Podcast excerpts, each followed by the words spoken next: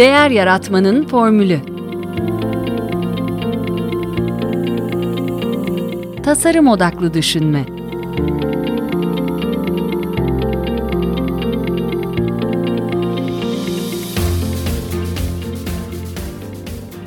Merhaba, ben Mete Yurtsever.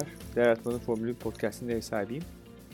Derya'da kendimizi keşif yolculuğumuzda çeşitli teknikler denediğimizden bahsediyorum. E, aramızdaki koç arkadaşlardan da destek alıyoruz. Geçtiğimiz hafta sonu üyelerimizden sevgili Gamze Ürkmez bize anlam arayışımız hakkında bilgiler verdi. Felsefe ve psikoloji alanındaki köklerinden bahsetti. E, inançlar e, kişiden kişiye değişiklik gösterse de e, özellikle psikoloji bilimi e, insanın yaşam algısı ve motivasyonları hakkında e, bize ipuçları sunuyor. Gamze'den dinlerken de e, meşhur 3 Viyana okulunun kendimce en basit tanımını not aldım. Sizinle paylaşmak istedim. E, Freud insanın e, doğumdan sonraki ilk yıllarının önemini vurgulayıp haz peşinde koştuğumuzu söylerken e, ikinci Viyana okulunu kuran Adler e, insanın asıl sosyal dürtülerle harekete geçtiğini, geçmiş yaşantının o kadar da önemli olmadığını söylüyor. Yani insan e, güç elde etmek için savaşıyor. E, Frankl'ın e, 3. Viyana okulu ise insanın anlam arayışının e, hayatına yön verdiğini, bunun kontrolünde insanın kendisinde olduğunu e, söylüyor. Gamze, e, Viktor Frankl'ın e, İnsanın Anlam Arayışı adlı kitabına da çok referans verdi. Ben de geçtiğimiz yılın başında okumuştum bu kitabı. Çok çarpıcı bir bakış açısı e, sunuyor. Onu da e, okumanızı tavsiye ederim. E, oturumun ikinci bölümünde ise e, odalara ayrılıp e, bir egzersiz yaptık ve e, yorumladık. E, Gamze'ye sevgili koçlarımız Esra Öcal, e, Serap Duman ve İlker Aksoy da yardımcı oldular. Her biri e, bir odada bu egzersizi bize yaptırdılar ve yorumladılar. E, o egzersizin anlatımı için de e, bu hafta beni LinkedIn'de paylaşımlarımı takip edebilirsiniz. Gamze'ye, Esra, Serap ve İlker'e ve tüm katılan arkadaşlara tekrar huzurunuza teşekkür ediyorum. Şimdi buyurun Gamze'ye kulak verelim. Şöyle biz Mete ile konuştuk. Anlam üzerine bir böyle bir konuşalım. Zihnimizdekileri paylaşalım falan diye.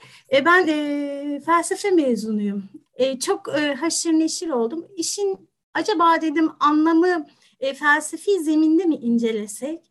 E, şimdi geldiğimiz e, noktada modern insanın en büyük e, sorunsalı da anlam arayışı oldu. Acaba psikoloji zemininde mi e, irdelesek biz bunu?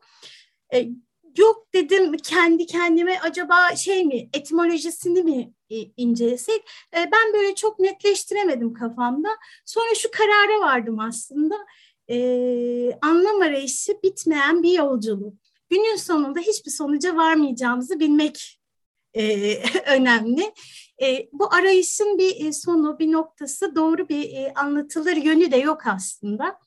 Bunu nereden biliyorum? Bu kadar net nasıl konuşabiliyorum? Çünkü insan düşünmeye başladığı itibaren 2500, 3000 e, yıldır e, insanlar bu konular üzerine aslında e, kafa yormaya başlamışlar.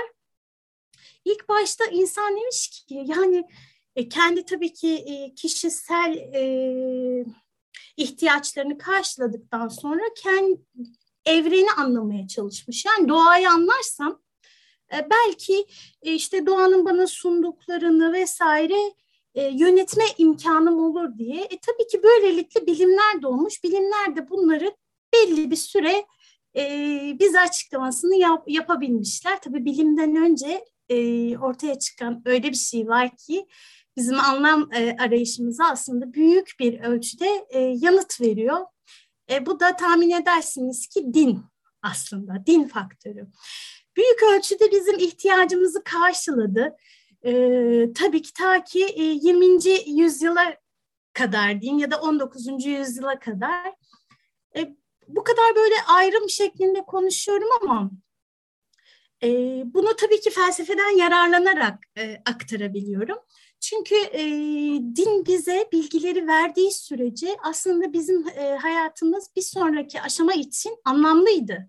Çünkü biliyorduk burada anlam bulamasak da e, öldükten sonra biz o anlamı kazanacaktık. Her halükarda yani burada keşfedeceğimiz bir şey değildi aslında o bizim için. Ama insan kendi kendini düşünmeye, e, kendi varlığını kanıtlamaya başladığı anda işler birazcık aslında değişti. O noktada kendi varoluşumuzu sorgulamaya başladık. Yani bunu şöyle e, düşünebilirsiniz. Sorular şöyle değişiyor. İşte doğanın e, özü nedir? Aslında e, evren neden meydana gelmiştir? Sorularımızın şekli değişerek e, Gamze kimdir? Gamze nedir? Gibi e, sorunsala e, dönüşmüştür. E şimdi e, Gamze nedir deyince cevap şu oluyor aslında. Gamze düşünen e, birisidir. Gamze e, duyumlayan birisidir. E, Gamze toplumun içinde var olan birisi. Evet bunlar da bizi belli bir yüzyıl aslında cevap bulabilmemiz için e, oyalamıştır. Ama öyle bir noktaya geliyoruz ki insan zihni e, evreni anlamlandırmaya çalışırken bir bakıyor e, yavaş yavaş aslında bu karmaşa içerisinde e, zihniyle, aklıyla e, biraz dini, dini e, öteliyor. Aslında burada sorunun şekli, insanın kendine e, sorduğu sorunun şekli şöyle de, değişiyor. E, Gamze ne için var? Gamze nasıl var oldudan ziyade Gamze ne için var? Yani Gamze'nin burada olmasını anlamlı kılan şey nedir? Benim burada bir misyonum var mı? Diğer yaşam var mı bilemiyorum, tasavvur edemiyorum. Ama burada biliyorum, yaşıyorum, şu anı deneyimliyorum. O zaman burada bir anlam bulmam gerekiyor. Deyip insan aslında bir anlam arayışı içerisine giriyor. Bilim de bize birçok şeyi anlattı, kanıtladı. Ama içimizde yaşadığımız o belki psikolojik anlamda varoluşsal sorgulamamızı çözümlemeye yardımcı halen daha e, olmuş değil. İşte bu noktada aslında kişinin kendi öznel varoluşsal e, sorunsalları ortaya çıktı. Ben ne için varım? Şimdi ben aslında size e, şöyle bir e, hayal etmenizi isteyeceğim ve e, katılmak isteyen arkadaşlarım da katılırsa çok mutlu olurum. Şimdi şöyle biraz düşünebilirsiniz. Gözlerinizi kapatın. Çok büyük, devasa bir kaya hayal edin lütfen. Öyle büyük bir kaya ki yamacın üstüne doğru onu itmeniz gerekiyor. İtiyorsunuz, itiyorsunuz ve tam zirvede düzlüğe oturacağı noktada kaya tekrar yuvarlanıyor aşağıya siz tekrar tekrar onu itmeye çalışıyorsunuz. Tam düzlüğe vardığınız noktada tekrar yuvarlanıyor ve siz onu tekrar itmeye çalışıyorsunuz. Ve biliyorsunuz ki hiçbir zaman o düzlüğe varamayacaksınız. O kaya her zaman yuvarlanacak. Ne hissederdiniz? Ne düşünürdünüz? Albert Camus'un e, Sisyphos'a e, yüklediği, Sisyphos'un yaşadığı bir e, öykü aslında bu.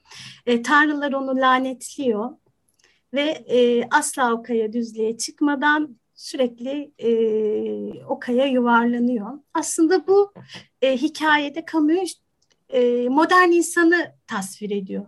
Biz de günlük e, işlerle aslında o kadar yoruluyoruz, o kadar onların içinde e, boğuşuyoruz ki boğuşma sonrasında e, çıktığım yukarıya tam o düzlüğe varacakmış gibi oluyoruz ama sonra bir şeyler yine e, engel oluyor ve biz de tekrar e, başa sarmak e, zorunda kalıyoruz.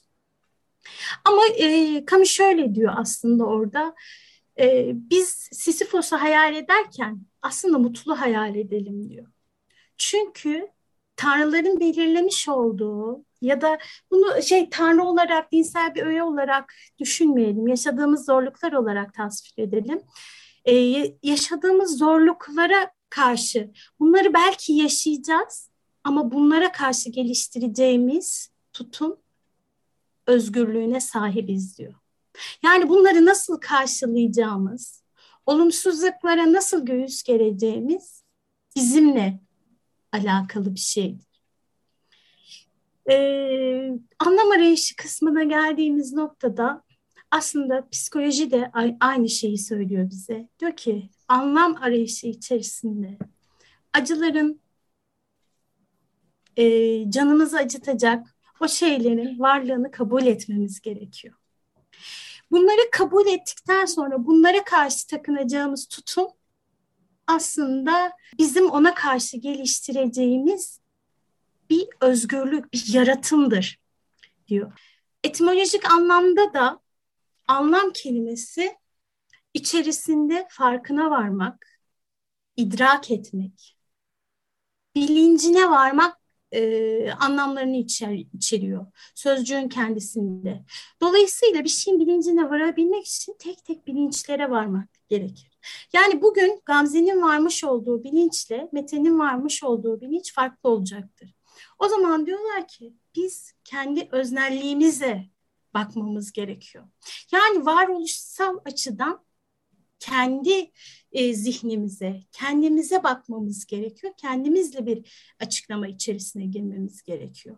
Dolayısıyla anlam arayışını bulmak için dışarıdaki nesnelere, çevreleri, çevremizde olup bitenlerden sıyrılıp biraz aslında kendimize dönme kısmına odaklanmamız gerekiyor. 19. yüzyıla kadar neredeyse hazcılıkla ifade ediliyordu anlam arayışımız. Yani haz aldığımız şey e, aslında bizim hayatımızın anlamı gibiydi. Bu birinci Viyana e, okulunun yani aslında Freudçu bir yapının bize e, öğrettiği bir şeydi. Ama sonra Adler bunu güçle birleştirdi. Gü aslında insanın haya insan hayatının anlamını güçle birlikte e, buluyor dedi. Üçüncü Viyana okulunda Frankel'la birlikte aslında anlam arayışı şöyle bir değişti ve anlam aslında kendi varlığımıza döndü. Şimdi aslında bugün biraz kendimize e, bakma, bu ön felsefik girişinin ardından e, biraz kendimize e, bakma kısmında özgür olduğumuzu anlamamız için aslında bu girizgahı yaptım. Bugün e, kendimizle ilgili bir şeye atfettiğimiz yani e, yaşamımızda olup bitenlere duygu, durum, davranış her neyse onlara yüklediğimiz manalara odaklanmamız gerekiyor. Bu bizimle ilgili. Ve bu bir farklılık aslında gerektiriyor. Hepimiz için farklı anlamlar olabilir. Bunlar bizim kişisel yaratımlarımız aslında. Ama bunlar e, değerlerle de çok sık karıştırılıyor. E, şöyle ince bir çizgi var aslında. E, değerler bizim e, inançlarımız, anlamlar ise yüklediğimiz anlam ise daha bütünsel. Hayatın, o sürecin kendisi yapacak bir şey yok. O kayanın altında eziliyorsak o kaya, kayaya karşı bir tutum geliştirmemiz lazım. Frankel bunu geliştirirken aslında belki e, okuyanlar varsa Anlam Arayışımız kitabında toplama kampından bahsediyor. Bir insanın yaşayabileceği en büyük zulmü aslında orada yaşıyor. Ve içeri, içeriye baktığımızda o insanı e, hayata bağlayabilen tek şey olduğunu düşünüyor. Bunu da sevgi, sevgiyle birlikte e, yaşadığımız anlam ihtiyacı. Bunu sevgiyle bir bütün olduğunu söylüyor. Çünkü ancak sevgiyle bütünleştirdiğimizde e, onu bütün hayatımıza yayabiliyoruz diyor. Ben açıkçası bana çok akılcı geldiği için çok benimsiyorum bu fikri. Özgür olduğumuzu e, çevre koşulları, e, bunu Frankel'da evet e, bahsediyor çevre koşulları, e, belki kalıtımsal özellikler bizi düşünme açısından şekillendiriyor. Çünkü doğduğumuz yeri seçemiyoruz. Bulunduğumuz aileyi seçemiyoruz. ailemizden dolayı bize gelen kalıtımsal özellikleri seçemiyoruz. Ama var olduğumuz hayata yükleyeceğimiz anlamla ilgili bir arayışa girme özgürlüğüne e, sahibiz. Onun için düşünme özgürlüğüne aslında e, sahibiz. E, Frankl de anlatırken diyor ki e, özgür irademizden bahsediyor. Yani bu özgür irade şöyle özetle aslında e, hayata karşı tutumumuzu seçecek özgürlüğümüz var. İkincisi de e, hayat algısı. Yani hayatın kendisinde bir anlam var. Hepimiz aslında o anlamı bulmaya çalışmalıyız. O hem biz hayat için anlamlıyız hem hayatın kendisi anlamlı. Biz içinde olduğumuz için diyor. Ben benimsiyorum onun düşüncelerini. Çok an, e, anlaşılır geliyor ve modern insanın da bu anlam arayışına e, cevap veriyor gibi e, geliyor bana. Çünkü e, bütün her şeyden sıyrıldığımızda bütün statülerden, rollerden, ekonomik gelir durumlarından, her şeyden var sahip olduğumuz her şeyden, çocuklarımız, ailemiz, kişiliğimiz, kendimiz her şeyden sıyrıldığımız noktada geriye kalan şeye bir anlam yükleme kısmı geliyor. Yoksa her şey bir hiçliğe dönüşüyor. Hiçlik de bizi yok oluşa sürüklüyor. Ama oralara fazla takılmadan e, isterseniz bu psikoloji kısmından biraz daha ilerleyelim. Biz kendi e, anlamımızı e, nasıl bulacağız? İşte hani bu hayatın genel anlamıyla bir e, kendi içinde de barındırdığı bir anlam olduğundan bahsetmiştim ya. İşte insanın da içinde e, diyor Frankl anlam istenci var.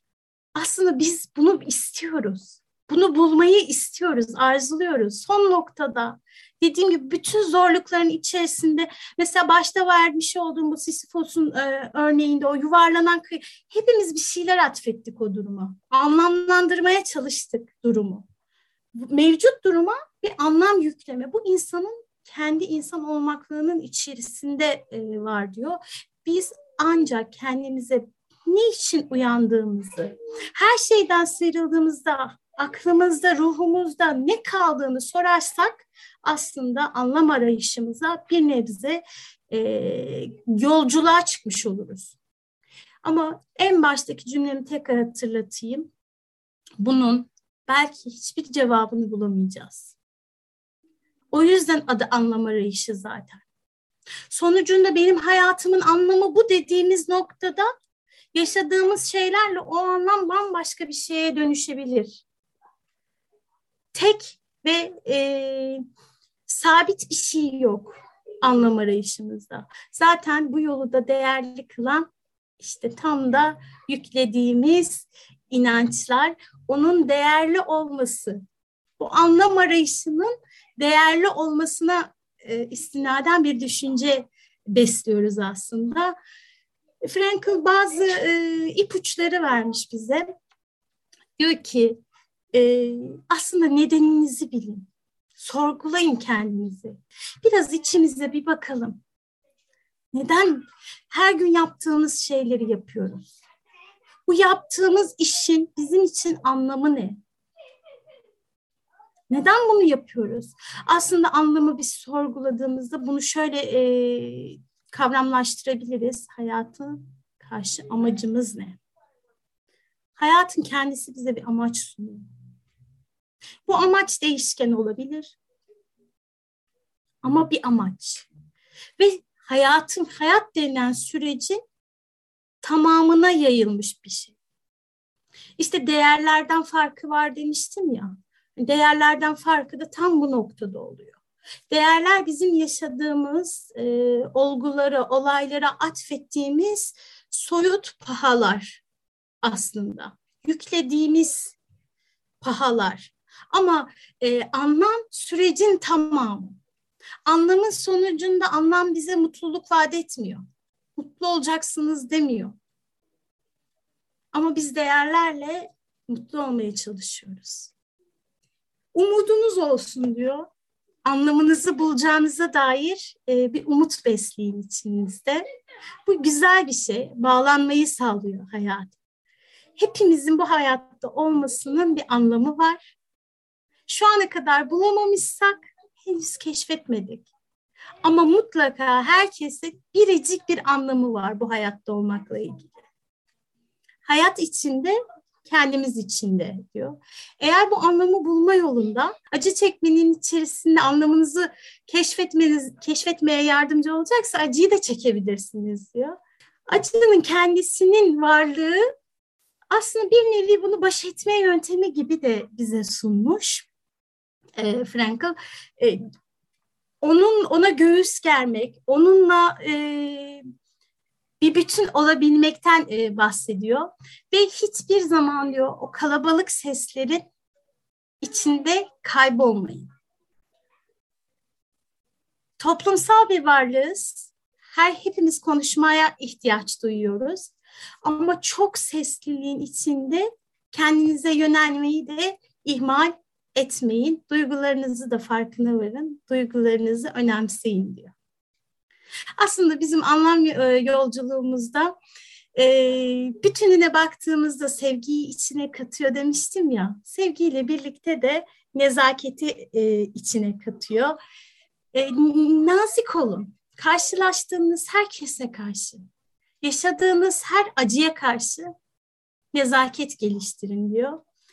E, bunu yapabiliyor muyuz, yapabilecek miyiz bilmiyorum. En ufak acıda e, ben de zaman zaman e, bu bilgileri teorik olarak bilmeme karşı çok da uygulayabildiğimi sanmıyorum. Ama madem böyle bir özgürlüğümüz var, madem bunun üzerine kafa yorabiliyoruz, bu bir anlam yaratımı. Ne kadar da büyük bir aslında hani çıktı veriyor bize. Elimizdeki bu özgürlükle biz e, bir yaratım e, yapma gücüne de sahip olmuş oluyoruz. O zaman neden bunu güzel bir şey için e, kullanmayalım diyorum. O yüzden de sizin için güzel bir e, egzersiz hazırladık. Hayatında kendi amacınızı bulabilmeniz için inşallah yardımcı olur. Bu podcast'te tasarım odaklı düşünme çerçevesinde hem yurt içinden hem yurt dışından kimi zaman davranış psikolojisi üzerine bir akademisyeni, kimi zaman bir tasarımcıyı, kimi zaman bir iş insanını, kimi zaman da değişim veya inovasyon üzerinde firmalara destek veren bir danışmanı ağırlıyorum. Amacım Türkiye'de bu konulara farkındalık oluşturmak. Buraya kadar dinlediğinize göre sizin de bu konulara ilgi duyduğunuzu anlıyorum. Sizden ricam güzel bir esnaf geleneğini devam ettirelim. Bu podcast'ten memnuniyetinizi arkadaşlarınıza, eleştiri ve önerilerinizi benimle paylaşmanızı istiyorum. Sanıyorum bunu en kolay LinkedIn üzerinden yapabilirsiniz. Beni ve Değer Yaratmanın Formülü sayfasını bağlantılarınıza eklerseniz çok memnun olurum.